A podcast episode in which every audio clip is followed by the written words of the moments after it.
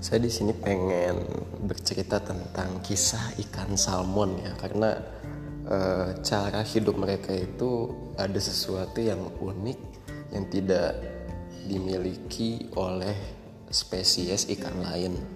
Ikan salmon ini kalau misalkan disebut di kita itu biasanya ikan salem. Nah, dia masih punya saudara itu ikan trot namanya. Cuman ikan trot itu dia tipe ikan yang seperti pada umumnya. Jadi dia menetap di situ-situ aja. Namun ikan salmon ini uh, dia mempunyai alur kehidupan penuh petualangan. Nah jadi gini ikan salmon itu mereka dilahirkan dari perjuangan orang tuanya yang berimigrasi dari lautan ke hulu sungai yang berada di pegunungan otomatis kan namanya ikan salmon ini lahir itu di pegunungan ternyata mereka. Di alur sungai yang berada di pegunungan mereka lahir di situ dari perjuangan orang tuanya. Dan tahu nggak setiap ibu dari ikan salmon ini ketika sudah melahirkan mereka meninggal. Karena apa? Karena kelelahan sangat kelelahan. Kita bisa bayangin aja hampir kadang-kadang 1500 km ibunya ini berpindah dari lautan ke hulu sungai yang berada di pegunungan itu tempat si ibunya lahir. Nah, ketika ibunya sudah sampai di hulu sungai yang berada di pegunungan itu, lalu ibunya melahirkan dan saking kelelahannya, saking sudah berdarah-darah melalui me, apa ya ibaratnya menabrak arus sungai, berbagai predator ada di situ, berbagai uh, pencemaran yang ada di sungai uh, semua dihadapi sampai akhirnya si ibu ini bisa melahirkan telur-telur ikan salmon ini dan sampai akhirnya uh, beliau meninggal beliau. Jadi itu perjuangan sangat luar biasa.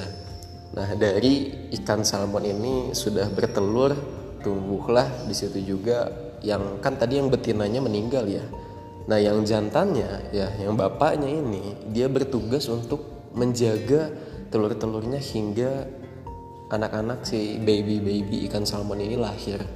Tentunya karena itu ribuan bahkan puluhan ribu ada telur massal di tempat hulu sungai yang berada di pegunungan tersebut, ya otomatis akan banyak predator air di situ dan uh, semua para bapak-bapak itu bersiaga menjaga telur-telurnya hingga anak-anak ikan salmon ini menetas.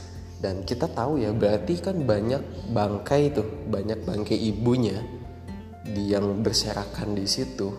Nah itu juga dengan kuasa Allah ternyata itu dimakan oleh mikroorganisme uh, ibaratnya bakteri sehingga jasad dari ibunya itu menjadi apa ya ibaratnya menjadi bubuk dan menjadi makanannya ikan salmon yang kecil.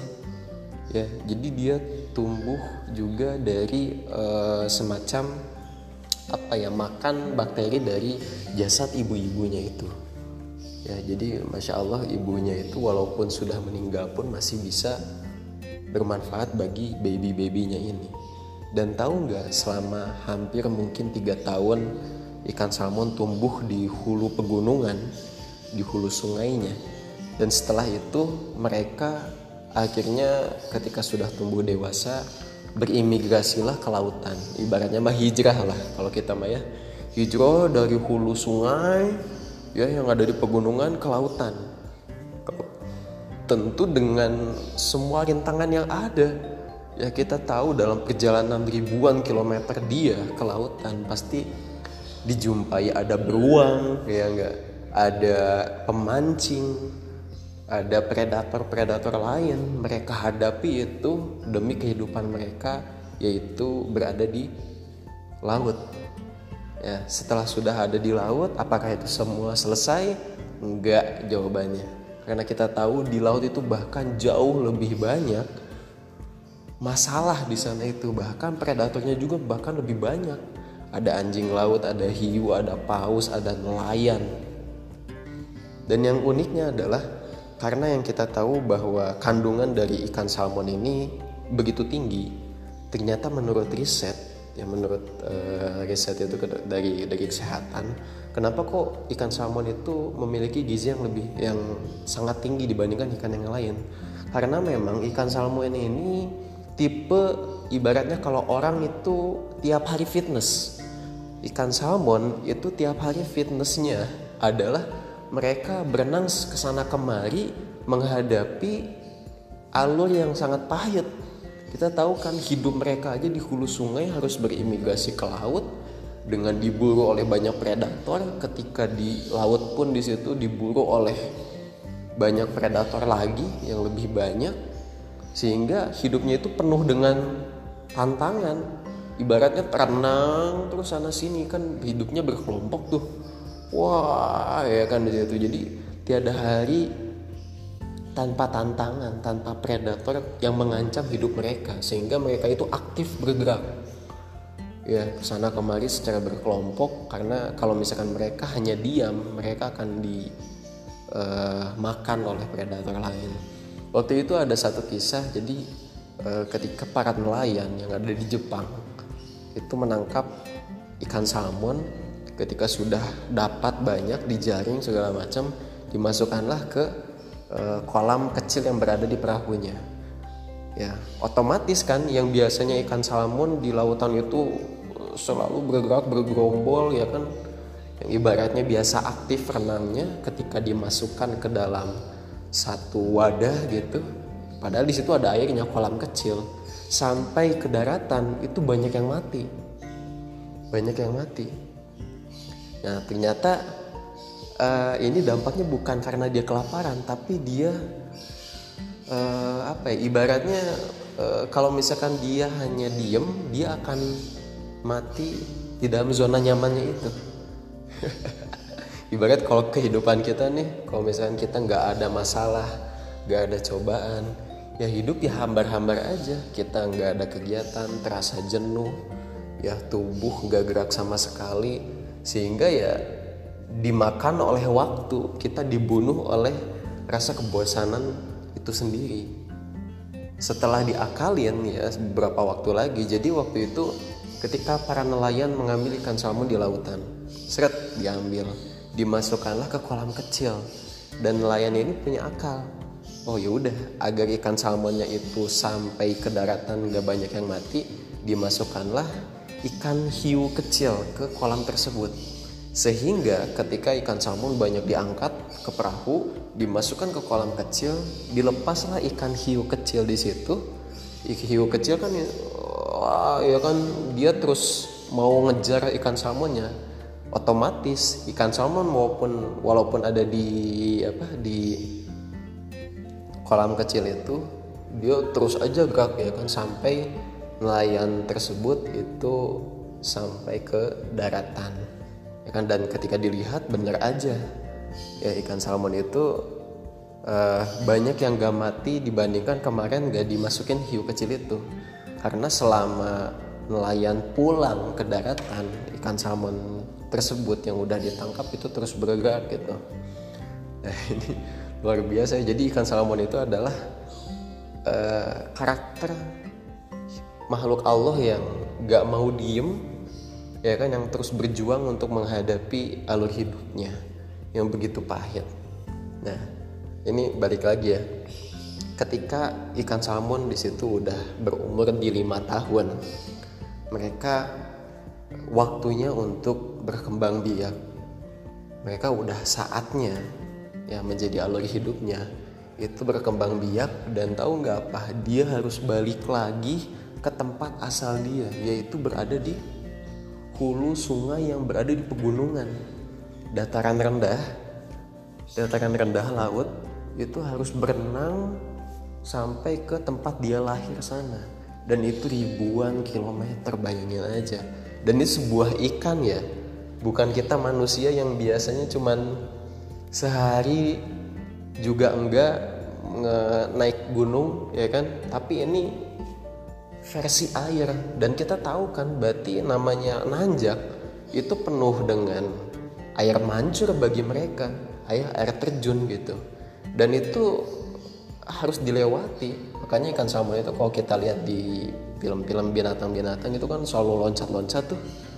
Ya loncat-loncat yang di situ biasanya udah nongkrong para beruang ya untuk menangkap. Nah itu memang mereka akan ke atas beramai-ramai untuk menuju tempat di mana mereka lahir dan di situ mereka akan berkembang biak melahirkan generasi baru.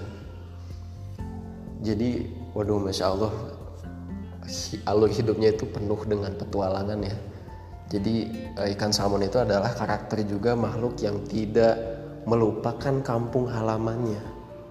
Di mana dia lahir, dia akan kembali dan dia ingin meninggal di situ pula. Ibaratnya karakter makhluk yang tidak uh, lupa dengan dengan dengan rumahnya.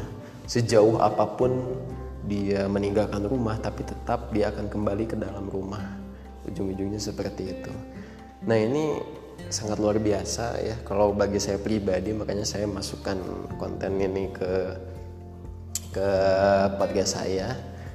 Dan uh, ini sangat luar biasa ya dibandingkan dengan ibaratnya orang-orang atau karakter manusia yang di situ hanya ingin ah udahlah saya mah hidup gimana gimana waktu aja lah gimana nanti aja lah terbawa arus juga nggak apa-apa ya it's okay. Itu juga sama dengan hidup. Tapi ibarat ikan itu itu bukan ikan salmon tapi itu lele kuning.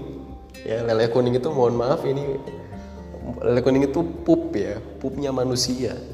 Kita tahu kan uh, apa ya ibaratnya? Nasibnya pup itu kan udah mah dia nggak mau gerak pasrah mengikuti arus sungai yang ujung-ujungnya kita nggak tahu itu bakal bertempat di mana. Apakah pup itu akan tetap utuh sampai ke pusatnya? Enggak. Karena dia tidak mau bergerak karena dia tidak berdaya ya. Seperti orang yang mati itu seperti zombie seperti mumi gitu. Hanya hidupnya itu hanya mengikuti arus ya udahlah gue mah e, gimana gimana arus sungai aja lah sampai akhirnya ya tidak berda tidak berharga apa pun gitu. Ujung-ujungnya mungkin di pusatnya juga bakal hancur ya kan. Nah itulah kalau misalkan kita hidup itu nggak mau berjuang terkadang ada masalah ada musibah dan lain sebagainya itu adalah uh, warna atau bumbu kehidupan ketika kita bisa melewati itu semua bah, eh, bahkan ada sesuatu yang bisa kita tangkap ya ibaratnya kita ingin menginginkan sesuatu lalu ada tantangan lalu ada cobaan di situ ya kita hadapi dengan sekuat tenaga sampai kita menggapai apa yang ingin kita capai tersebut. Sebagaimana ikan salmon ya alur kehidupan yang sangat pahit namun mereka mempunyai misi besar. Seberat apa pun misi itu walaupun kadang-kadang mereka tahu di sana itu kita akan meninggal. Ya kita alur kita akan seperti ini karena tapi mereka nggak mau tuh nggak mau menolak kodarullahnya mereka akan menghadapi itu sampai titik darah penghabisan mereka. Mudah-mudahan kita juga mempunyai jiwa pejuang seperti ikan salmon ini ya. Kita berkekeh ingin menggapai surga ingin menggapai sukses dunia sampai titik darah penghabisan kita sehingga kita walaupun meninggal kita meninggal dalam keadaan bangga dalam keadaan tidak menyesal di hadapan dunia dan juga di hadapan zat yang mempunyai alam semesta. Jazakumullahu khairan